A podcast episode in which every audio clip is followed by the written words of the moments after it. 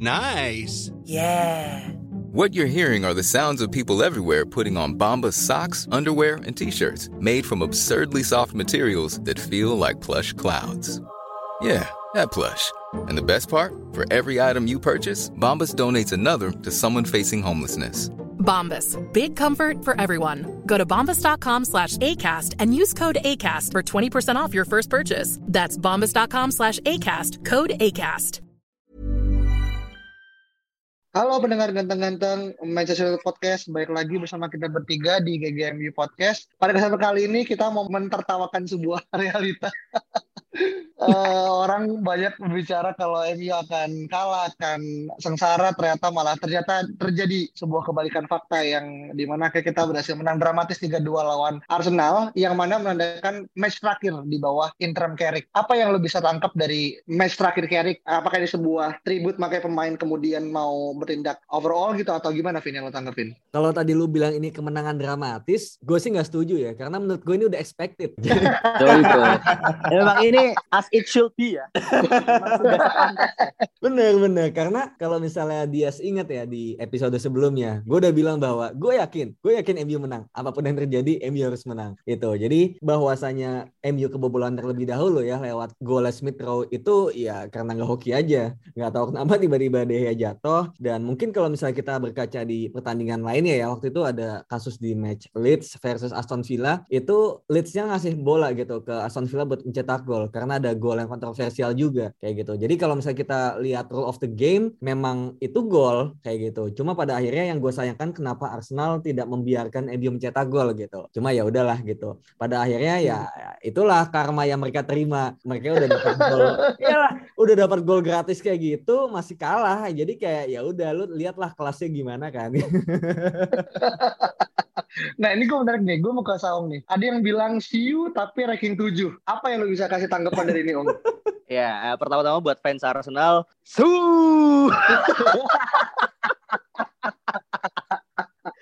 Tuh. ya maksudnya gini ya bro uh, teman-teman semuanya kan liganya tidak berakhir pada tanggal 3 Desember ya. Jadi nggak usah terlalu inilah nggak usah terlalu apa ya terlalu pede lah. Oh, iya su tapi ranking 7 segala macam. Eh kita lihat aja hasil kemarin seperti apa gitu kan. Maksudnya kita udah kemarin golnya aja deke aja maksudnya udah udah nggak main gitu. Masih kalah dia kan. Maksudnya mau ngomong apa lagi? AFTV udah keluar-keluar wah Rangnick datang tapi yang latih tetap Carrick gitu. Bro Michael Arteta tuh nggak nggak lebih better daripada Michael Carrick man Michael Michael Carrick tuh udah menang debat Lampard oleh Arteta menurut gua. Jadi ya ya nikmatilah Oke, iya iya iya.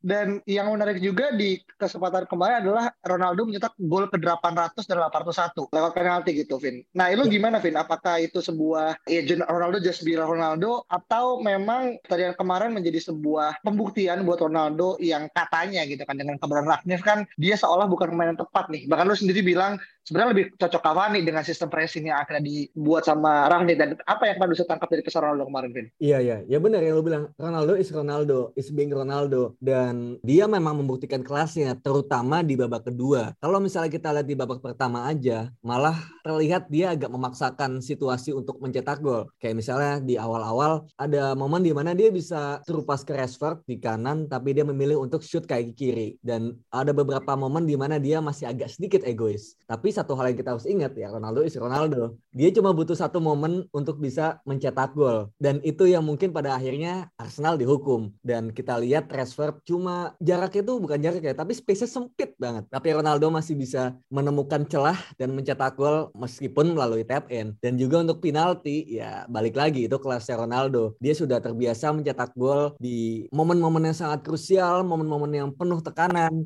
Dan juga sesi adu penalti kayak misalnya di final Liga Champions ya dia udah berkali-kali melakukan itu dan dan dan tadi menarik lu bilang mengenai Rangnick ya yang gue bilang bahwa Cavani lebih cocok iya Iya gitu. Secara default memang Cavani lebih cocok untuk sistem pressingnya. Tapi untuk Ronaldo, gue yakin pasti Rangnick akan menemukan sebuah cara bagaimana Ronaldo yang mungkin kurang bagus pressingnya, ini akan bisa masuk ke dalam sistem pressingnya dia. Gitu. Jadi kayak di backup, kurang lebih kayak gitu. Iya, menurut gue Ramsdale pun juga cukup kelewatan ya. Sebelum match kan dia juga sempat nantangin Ronaldo kan. Kayak, ya gue pengen tes nih, cobalah Ronaldo gitu. Jebolin lah gawang gue gitu. Karena uh, mungkin ini pertama kalinya ya kali ya Ramsdale ketemu sama Ronaldo gitu. Maksud gue kan uh, lo bisa lihat lah Neuer berapa kali jebol Ronaldo gitu kan kayak emang Arsenal ini hmm. needs to be humbled gitu loh bro ya itu itu ya, itu satu gitu terus yang kedua mungkin menarik sih uh, apabila ada ada apa ada pendapat mengenai Cavani yang lebih cocok dengan skema Rangnick gitu kan cuman kan masalahnya Cavani ini kan mainnya dua bulan sekali ya jadi tetap Ronaldo kita gitu. Ronaldo tuh banyak yang bilang dia masalah lah segala macam cuman gimana ceritanya dia masalah tapi punya 801 goals dan 5 Liga Champions, menang di segala uh, kompetisi gitu kan. Jadi gue sangat-sangat yakin Rangnick pasti nemu cara lah gimana caranya uh, Ronaldo ini bisa bekerja dengan lebih baik gitu di di bawah asuhan dia. Hmm, iya iya. Dan juga kalau kita ngomongin Rangnick, kemarin kan juga udah ada ya di stadion juga kan nonton dari uh, bangku penonton dan mungkin gue juga ngeliat dia juga akhirnya buat catatan juga gitu waktu pertandingan di hari Minggu ya di, di hari Minggu gitu. Kita kita akan ngelawan Crystal Palace dan itu akan jadi pertandingan pertama dia gitu kan dengan ekspektasi yang cukup tinggi. Tapi sebelum ke Crystal Palace gue akan bahas juga terkait dengan kemarin lawan Arsenal gitu kan. Bagaimana kemudian sebenarnya pas kemarin kita kejebolan dua-dua tuh udah menurut gue ya balik lagi nih pada keadaan apa rapuhnya pertanding, uh, pertahanan Man gitu kan. Nah ketika kemarin dong lihat Maguire balik nih Vin apakah lu melihat ada sebuah hal yang akhirnya berubah kan dari Maguire yang kemudian seolah dia distrap karena kartu merah gitu kan? Dan apa yang lu bisa dari pertandingan performance kemarin Vin? Kemarin Maguire bagus, gue akui pertahanan MU bagus dan gol pertama itu kan bukanlah sebuah um, gambaran betapa buruknya MU gitu bukan. Tapi memang ya itu lagi sesuai aja. Terlepas dari memang ada beberapa peluang Arsenal yang mungkin cukup berbahaya ya tapi itu ya bukan karena pertahanan MU yang jelek seperti beberapa pertandingan terakhirnya oleh kayak gitu sih dan mungkin lebih kepada jarang bermain bersama keempat back ini seperti yang kita tahu kan yang main di sayap uh, back sayap kanan adalah Diego Dalo dan juga di back sayap kirinya adalah Alex Telles jadi memang empat pemain ini sangat jarang untuk bermain bersama dan gua rasa itu adalah salah satu hal yang mungkin membuat kemarin ya kita kebobolan dua gol gitu sih. Dan kalau kita hmm. lihat gol Arsenal yang kedua ya, itu kan karena Telesnya berkali-kali ya, dia tuh terlalu narrow mainnya. Jadi terlalu ke dalam. Jadi pemain Arsenal yang di sayap itu jadi dapat space banyak dan bisa mikir untuk ini bola mau gua ke mana ini itu kan. Kedua, hmm. pas dia cutback, dia oper bola ke tengah ke kotak penalti, itu kosong banget dan itu adalah tugas seorang DM yang mana kita nggak punya sosok itu. Makanya gue tetap merasa bahwa ya MU tetap butuh seorang DM murni seperti mungkin kayak Declan Rice lah atau siapa gitu. Kalau misalnya pemain yang diincar ya kayak misalnya Haidara itu menurut gue bukan DM sih, itu lebih kepada box to box upgrade yang mungkin McTominay. Jadi menurut gue tetap butuh DM karena DM ini akan benar-benar dia tahu dia bisa nge-sense bahaya itu ada di kotak penalti dan itu yang nggak dimiliki oleh pemain-pemain kita. Itu sih menurut gue. Hmm, ya. Dan ngomongin masalah DM, ada satu hal yang menurut gue agak cukup menarik ya. Bahwasanya puncak komedi ini terjadi pada sosok Fred gitu kan. Dia kemudian hmm. membuat sebuah menurut gue kesalahan yang gue gak tau sengaja pasti gak sengaja lah gitu kan. Tapi in the end of the day dia juga jadi salah satu MOTM juga calon kemarin ya gitu kan. Gue gak tau apakah beneran DJ MOTM atau enggak tapi orang kemudian deserve kredit buat dia gitu. Dan lu kemarin lihat Fred di pertandingan kemarin apa yang bisa lu tangkap? Apakah Fred kemudian akan masuk ke dalam sistemnya Ralph dengan kemudian dia emang secara pressing secara tenaga dan juga pace ada gitu. Tapi kalau secara sistem apa yang lu bisa lihat dari dari pertandingan Fred kemarin Ung? Ya menurut gue uh, Rangnick akan menjadi salah satu pemain uh, penting ya di bawah skema Rangnick gitu. Karena gue yakin Rangnick pasti suka dengan intensitasnya gitu bagaimana Fred berkali-kali berhasil gitu untuk untuk untuk pressing, untuk intercept segala macam. Dia pintar untuk untuk untuk baca arah bola gitu, permainan segala macamnya gitu. Uh, dua game terakhir gitu di Chelsea luar biasa dia, sangat-sangat luar biasa menurut gua gitu. Cuman di babak pertama kemarin lawan Arsenal gua merasa dia sedikit trying too hard to impress menurut gua men gitu. Karena uh, Rangnick kan dateng kan nonton gitu. Gue yakin semua pemain yang ada di sana pasti trying too hard to impress untuk untuk menunjukkan bahwa gue punya punya quality untuk untuk untuk ada di starting line up lo gitu kan. Cuman memang uh, kemarin menurut gue adalah pertandingan yang sangat sangat flat sekali gitu ya. Blunder ada, mencederai kawan sendiri ada, uh, salah passing. Cuman at the end of the day dia punya dua assist. Chance creatednya juga cukup oke. Okay, jadi fair play lah menurut gue gitu. Gue sangat gue sangat berharap dia akan main lagi sih lawan lawan, lawan Crystal Palace sih men Ibaratnya dia itu kalau lagi di di penghakiman tuh dia dosa sama pahala itu seimbang ya. Betul. Betul. Bingung kan lu makanya. kayak Iya, kayak babak pertama mungkin dia di uh, bawah Ole, babak kedua dia di bawah Mourinho gitu. Jadi kayak begitulah Pak. Iya, Menarik iya, sih iya, okay. sebenarnya Fred ini. Iya, iya, oke. Okay. Oke, okay, nah ini kita akan coba masuk ke next pertandingan ya. Kalau ya maksudnya Arsenal ya udah lah ya, Arsenal bilang Arsenal expected win kalau kata Alvin gitu. uh, dan kita akan kemudian menjamu Palace di uh, match dan menurut gue ini match yang akan ditonton ya karena first match buat Rangnick dan gue gak tahu apakah Carrick kemudian akan masih ada atau enggak tapi kemarin tadi gue buka Instagram, at least Ronaldo dan juga Maguire membuat semacam tribute post buat Michael Carrick gitu kan. Yang mana menurut gue ini satu hal yang mahal gitu kan. Apalagi kan Carrick baru tiga kali uh, ngelit doang gitu kan. Tapi ya hasilnya menurut gue sih so far so good. Menurut gue gue kasih rating 8 dari 10. Nah kita coba pindah ke Rafnik gitu kan. Kira-kira apa yang kemudian bisa terjadi secara apa ya gameplay ataupun apa yang mungkin will be surprise you Vin untuk depan untuk di match besok Vin. Oh benar-benar belum kebayang sih. Dan mungkin bayangan gue ya uh, bayangan sementara gue adalah kayaknya Rangnick belum akan menerapkan sistemnya langsung kepada MU gitu. Terutama apalagi ini dia baru mungkin dua hari ya gitu. Dan mungkin latihan cuma sekali di hari Sabtu. Dan kalaupun ternyata tidak ada sesi latihan ya itu adalah sebuah hal yang sulit untuk menerapkan sebuah sistem apalagi yang sangat-sangat baru. Dan juga mungkin tidak familiar untuk MU jadi yang bisa kita lihat menurut gue adalah mungkin dengan formasi yang gak beda jauh tapi mungkin pressing intensity dan juga compactness yang sedikit lebih bagus daripada kemarin. Meskipun dari yang gue lihat Carrick udah bisa membuat pressing compactness MU itu jauh lebih bagus dibanding di oleh beberapa pertandingan terakhir. Dan menurut gue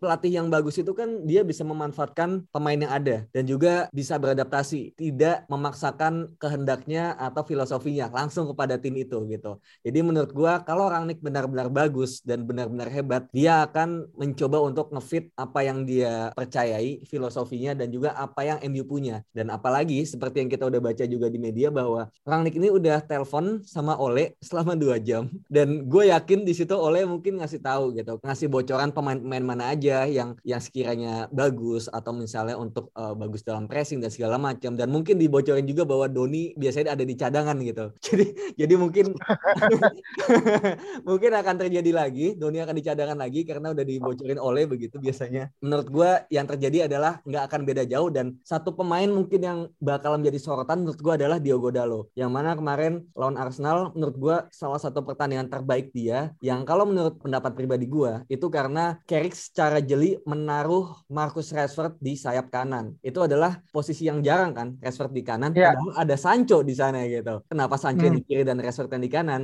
Dan menurut gue itu bukan tanpa alasan karahasan gitu. Karena menurut gue Rashford ini track backnya lebih bagus dibanding Sancho jadi untuk membantu Diogo Dalo juga. Dan juga adanya hmm. McTominay di sisi kanan gelandang itu juga ngebantu dia. Makanya kita lihat dia leluasa buat menyerang dan ketika bertahan pun dia tidak lagi yang tertekan banget. Itu sih. Dan mungkin yang ketiga hmm. alasannya karena it's Arsenal gitu loh. Jadi kayak ya there's nothing problem.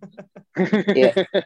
gue mau nambahin uh, ya sedikit lah tentang Rangnick gitu ya. Pertama gue gue tidak ingin bilang bahwa gue sangat mengenal uh, Ralf Rangnick gitu. Bahkan namanya aja mungkin gue baru familiar sekitar beberapa bulan terakhir ketika Santer di rumah kan akan pindah ke United gitu kan. Cuman melihat bagaimana reaksi uh, Jurgen Klopp Thomas Tuchel uh, dan pelatih-pelatih Jerman lainnya yang sangat boleh gue bilang takut kali ya gitu. Kayak uh, pelatih yang sangat hebat akan datang ke Manchester United yang which is itu adalah hal-hal yang buruk bagi uh, kami tim di Premier League gitu. Dan bagaimana dia sangat dipandang dengan hormat gitu oleh uh, oleh pelatih-pelatih Jerman lainnya gitu. Dan di press conference-nya uh, hari ini dia juga mention bahwa dia melihat uh, pertandingan United gitu ya lawan Liverpool, lawan City, lawan Chelsea, lawan Watford, lawan Arsenal kemarin gitu. Which is dia sudah sangat-sangat melihat bagaimana United ini berkembang gitu dari setiap match-matchnya gitu. Bahkan gue bisa bilang di match Art lawan Arsenal kemarin tuh mungkin sangat-sangat United gitu ya. Ada blunder, ada kesalahan yang geblek gitu, ada dua kali comeback, ada penalti gitu. Dan dia masih yakin bahwa dia memiliki squad yang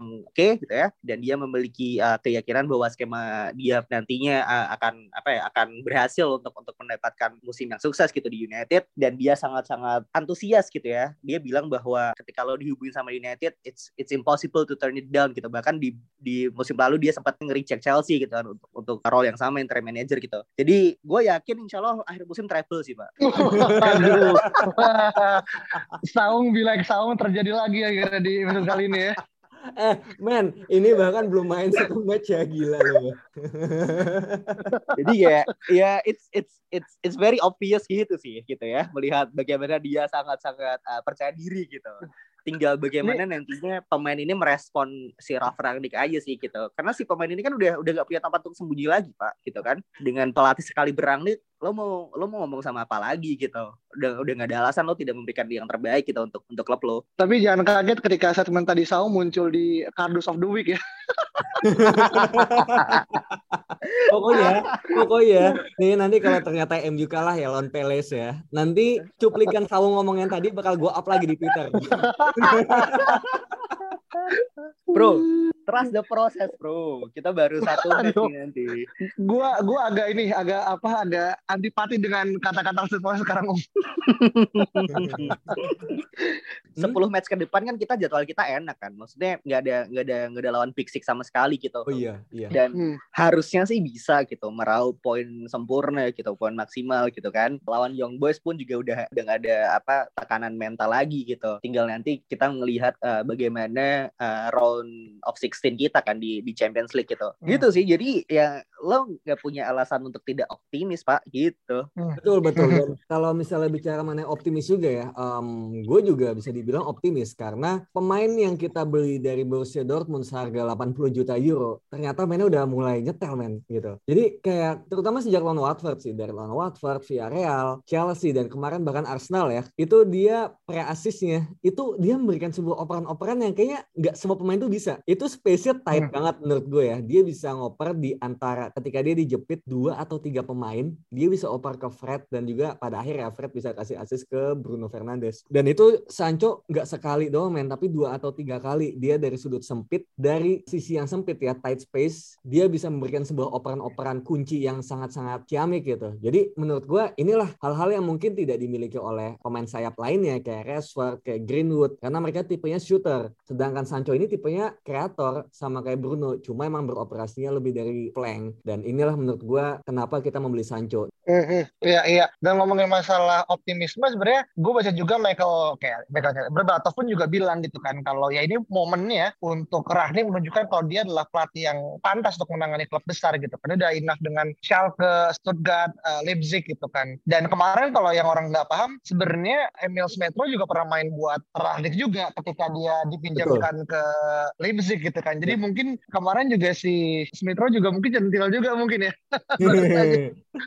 show off juga dia. Show off juga mungkin ya kan kayak gitu kan. Kan juga ada ada rumor kalau Pak Anik mau merangkul ex pemain-pemainnya untuk datang ke MU gitu kan. Dan salah satunya adalah Werner kita kata dia. Mungkin siapa tahu Smithrow mungkin tertarik juga. Gue nggak tahu ya. Siapa gue banyak lah yang kemarin centil di pertandingan kemarin lah kayak gitu. Termasuk Alex Telles ya yang kalau iya. lihat dia sampai ngelakuin selebrasi ketika menghentikan apa kompatriotnya di Brazil si Gabriel gitu kan uh, Martinelli gitu kan. Menurut gue tuh ya hal-hal yang ya oke okay lah lu menunjukin passion lo gitu kan. Betul, betul. pertandingan kemarin kayak iya, gitu. Iya, uh, dan uh, mungkin satu lagi dari gua, gua mau nanya nih ke dia sama Sau. Menurut lu Yas, formasi hmm. kayak gimana nih yang bakal dipakai oleh Rangnick di match lawan Palace? Apakah masih pakai default MU selama ini atau dia langsung menggunakan formasi andalannya nih yang 4-2-2-2 atau 3 back gitu? Uh, gue setuju sama lo ya di awal ya kalau untuk awalan apalagi mepet banget gitu kan. Jeda satu hari selang satu latihan dan briefingnya menurut gue ya ya udah as in bagaimana akhirnya ada gitu kan. Gue juga nggak yakin dia langsung membuat drastis changing gitu kan. Apalagi kita juga tahu dari tiga pertandingan terakhir kan MU menggunakan formasi yang dan juga line of main yang menurut gue agak cukup drastis gitu kan. Yang mana akhirnya Rashford segala macam dan akhir semalam gue ngerasa kayak ya mungkin Carrick melakukan formulasi yang kebetulan tepat dan akhirnya sukses dengan result yang dilakukan dan menurut gue untuk Rangnick sendiri gue masih yakin kalau dia akan melakukan cara yang sama dengan apa yang udah dilakuin sama Chelsea kecuali nanti mungkin di next weeknya atau mungkin ketika Young Boys mungkin dia mulai nih menerapkan apa yang dia mau karena dia tahu secara oponennya lebih mudah gitu kan dan secara ekspektasi udah gak ada lebih tinggi kayak gitu sih kalau gue sih. Hmm, berarti masih McFred nih ya tengahnya ya? Menurut gue nggak akan banyak berubah gitu kan. Kecuali besok udah langsung uh, Jumat udah eh Sabtu udah kemudian bisa transfer mungkin bisa beda cuman karena masih sama ya nggak akan lebih banyak lah. Iya iya iya oke. Saung gimana Iya yeah, menurut gue sih uh, gue sempat lihat uh, beberapa video analisis di YouTube ya mengenai uh, skema Rangnick gitu. Rangnick tuh cukup populer dengan 442 dan 442 diamond gitu. Yaitu 44222 gitu sama yang lo bilang gitu. Bahkan di Leipzig saat itu terkenal kan duetnya si Paulsen sama Timo Werner kan gitu. Yeah. dan yeah. bagaimana counter attack-nya tuh sangat-sangat sangat-sangat gila gitu. Bahkan di Bundesliga sendiri RB Leipzig sebagai salah satu tim yang tim yang memiliki counter attack terbaik gitu. Bahkan pressingnya, intensitasnya segala macam runningnya dia tuh nomor satu gitu. Dan itu karena dia punya dua striker yang sangat cepat dan ini menurut gue adalah formasi yang yang cukup tepat gitu untuk untuk diaplikasikan di Manchester United gitu. Gue kan sempat bilang waktu itu ya ketika kita bahas tentang formasi gitu. Kalau nggak salah uh, di beberapa episode yang lalu gue sempat mention bahwa 4-4-2 tuh udah yang paling oke okay, men menurut gue gitu. Dua striker yang yang cepat gitu ya bisa passing one two segala macam karena karena ya seperti mas gue gue melihat sepak bola tuh seperti itu gitu empat dua gitu. Jadi gue berharap sangat banyak dengan Rangnick. Mungkin nanti ke depannya kita akan lihat duet Ronaldo sama uh, Rashford ada Ronaldo Greenwood atau Ronaldo Cavani gitu. Bahkan Ronaldo Cavani bahkan works pretty well right gitu di beberapa match yang lalu gitu. Jadi ya, ya. nggak yeah, yeah. ada nggak mungkin gitu. Dan gue ingin gue sesungguhnya sangat capek gitu melihat satu striker ketika di, kita memiliki pilihan striker yang yang cukup oke okay, gitu. Bahkan Martial pun gue rasa akan diberikan kesempatan gitu. Iya. jadi harusnya sih empat empat dua menurut gue Ay, gila gila. Heavy metal yeah, football yeah, langsung ya? Heavy metal football gitu. macam selatan pilih kan? yeah, yeah. Iya iya iya iya. Dan juga ini nih, gue gue barusan dapat buka di Twitter dari Jan Fortford. Dia pernah dia barusan akhirnya bilang kalau uh, melihat Cristiano Ronaldo gitu kan di umur 36 tahun di babak kedua, ini adalah sebuah hal yang sangat amazing buat dia kan. Karena dia nggak pernah lihat pemain se stamina itu gitu kan, sepowerful itu. Dan apakah ini adalah satu tanda kalau orang-orang bilang kemudian Ronaldo Ragnik adalah apa ayah dan minyak adalah hal yang kemudian nggak akan terjadi. Vin terakhir mungkin mungkin udah bahas tapi mungkin ini yeah. statement yang keluar dari Ragnik gitu. Yeah, yeah. Um, menurut gue ketika pelatih seorang pelatih sudah memberikan statement kayak gitu, tandanya memang beliau benar-benar respect terhadap pemain ini. Apalagi kita lihat ketika Ronaldo mencetak gol, Rangnick juga tepuk tangan. Di situ terlihat bahwa Rangnick sangat suka dengan kerja kerasnya, etos kerjanya. Melihat bahwa yeah. Ronaldo sudah 36 tahun, tapi masih, ya oke okay lah, mungkin secara pressing nggak lagi bagus banget gitu. Tapi melihat badannya mungkin masih kayak gitu. Masih keinginannya untuk mencetak gol. Dan kalau kita lihat ya, ada momen unik di mana pas Ronaldo diganti, dia tuh masih berdiri cuy, di pinggir lapangan. Dia nggak mau jalan, dia masih mau nonton yeah. timnya gitu. Itu menunjukkan bahwa Ronaldo meskipun udah tua, tapi dia masih ingin membantu tim kalau bisa gue di lapangan. Dan ketika kita lihat setelah itu dia langsung masuk ke ruang ganti dan dia bilang dia langsung fokus kepada game selanjutnya gitu loh. Jadi uh, tidak ada waktu untuk selebrasi. Iya, yeah, jadi kita melihat bahwa ini Ronaldo memang benar-benar gila men gitu. Dia kayak robot dan dan itulah yang menurut gue semangat-semangat seperti itu dan mental juara seperti itu yang akan dicoba oleh Rangnick ditularkan juga ke pemain-pemain lainnya. Itu sih menurut gue. Jadi bukan cuma sekedar pressing yang mungkin kurang tapi ada hal-hal lainnya yang ingin diterapkan kepada pemain-pemain lainnya. Jadi Ronaldo bakal jadi kunci. Bahkan mungkin gue nggak kaget kalau ternyata Ronaldo bakal dikasih ban kapten sama Rangnick. Ya, hmm. gue juga pengen ini sih memberikan uh, sudut pandang juga dari dari Ronaldo gitu ya. Ronaldo ini kan main sejak pelatihnya mungkin sebelum Sir Alex Ferguson di Sport Lisbon siapa gitu kan. Habis itu Sir Alex, habis itu uh, ada Mourinho, ada Ancelotti, ada uh, Zidane, ada Allegri, ada Pirlo, ada siapa lagi? Ada Sari bahkan, ada Ole, ada Michael Carrick gitu. Which is dia bisa beradaptasi dengan semua tipe gaya permainan dan dia tetap bisa mencetak gol men gitu. Jadi ini orang tuh sebenarnya bukan masalah gitu. Dan Rangnick gue yakin sudah sangat-sangat familiar dengan Ronaldo gitu. Ronaldo kan sosok ya, figur gitu dan dan bahkan dia mencetak 801 goals gitu. Jadi Ronaldo bukanlah uh, masalah seperti yang gue bilang tadi dia bisa menyesuaikan dengan berbagai macam skema permainan gitu. Bahkan anti football seperti Mourinho dan nantinya uh, kick and pressing seperti uh, Rangnick gue yakin udah nggak akan jadi masalah bagi Ronaldo gitu. Jadi bagi Rangnick pun ini juga sesuatu gue rasa malah justru jadi berkah sih men gitu. Di usia 37 tahun lo mas lo punya striker yang yang gila gitu kan. Sementara aduh nggak jadi deh gue mau apa nih? Sebut saja Tipis, tipis, tipis, tipis, tipis, tipis. Iya, sementara ada ada satu pemain yang pindah ke liga yang mungkin มกิ่น mungkin lebih kastanya tuh di bawah Premier League gitu ya. Cuman masih susah untuk mencetak gol di liga gitu, ya kan? Dan ini orang tuh bisa week in week out gitu, Bro. Jadi bukan satu masalah menurut gua. Iya, iya, iya, iya. Dan kalau bisa lo lihat di postingan terakhir Ronaldo pas dia nyetak gol kemarin, itu bahkan di like sama Aubameyang, bro. Iya, itu emang itu emang bangke sih itu kapten tuh. Gua ngelihat semua timeline fans-fans uh, Arsenal tuh pada ngomel-ngomel tuh karena Aube. ya. Jadi kayak ini, or- ini orang kayak emang main pure vibes doang sih. Jadi ya. Jangan-jangan dia caper juga, jangan-jangan tuh kan. Iya, iya. Nggak, gue gue merasa semua semua uh, anak-anak di Premier League itu ketika main sama Ronaldo kayak how, apa ya starstruck gitu ya. Jadi kayak bingung sendiri gitu loh. Gue ngelihat kemarin ada foto-foto si Tomiyasu dan Ben White sangat-sangat berjibaku gitu melawan Ronaldo tuh menyenangkan sekali gitu. Apakah itu menunjukkan kalau normalitas kembali pada pada termnya sesungguhnya nggak kira-kira itu Om? Ketika melihat sesuatu berjalan sebagaimana semestinya, ya Ronaldo akan bilang Ronaldo segala macam. Ya natur is healing sih menurut gue ya. Iya. Berarti dunia sedang baik-baik saja. ya. Dia sedang baik-baik saja betul. Jadi gue Hmm. merasa ini adalah awal musim yang baru gitu ya. Mungkin untuk manage ekspektasi juga fans-fans United bisa melihat musim ini tuh sebagai salah satu apa ya grand scheme bahwa kita akan mencoba sesuatu yang baru, sesuatu yang di sepak bola modern sudah terbukti sangat sukses gitu ya dengan dengan cara bermainnya, dengan pelatih-pelatih yang memiliki filosofi yang sama gitu. Jadi harapannya adalah semoga United bisa bisa cepat mengejar sih uh, Liverpool, Chelsea dan juga City gitu sih. Hmm, hmm, Oke, nah mungkin terakhir kali ini sebagai uh, penutup juga ada nggak last statement dari Luvin dan juga Saung terkait dengan gimana akhirnya kita sebagai fans memandang ekspektasi kita terhadap Ronaldo itu tetap dalam kondisi yang low key meskipun hype itu ada di di udara gitu, Vin. Hmm. Em, mungkin kalau dari gua ya pesan aja ingat Van Gaal itu aja sih. Jadi gua melihat ada sedikit kesamaan antara Van Gaal dan Rangnick dari segi mungkin disiplin dan juga filosofi. Kita mungkin kalau misalnya kita sedikit ya memorizing zaman Van Gaal, kita mungkin ada satu kata yang paling kita benci yaitu filosofi, ya kan? Iya dan Ya, dan ya. Rangnick juga membawa kembali kata-kata ini filosofi. Jadi mungkin gue sebagai orang yang agak trauma ya melihat permainan pada saat itu em, harus mencoba untuk menurunkan lagi ekspektasi gua dan juga ketika melihat ada kultur yang berbeda ya dengan United DNA yang selama ini ada di MU ya itu berarti pemain harus banyak beradaptasi contohnya ya itu yang uh, Rangnick ingin memasang jam dengan detik yang berbunyi itu menandakan pressing yang mereka harus lakukan gitu kan dalam jangka waktu tertentu itu menurut gua bukanlah hal yang sehari-hari dilakukan oleh Ole oleh Carrick dan ya pemain bakal kaget men pemain kayak Martial gua nggak yakin tuh dia bisa nggak ya? Oke, dari Saung apa nih puncak komedi yang mungkin bisa lu kasih sebagai wejangan? Ya satu aja sih. Su.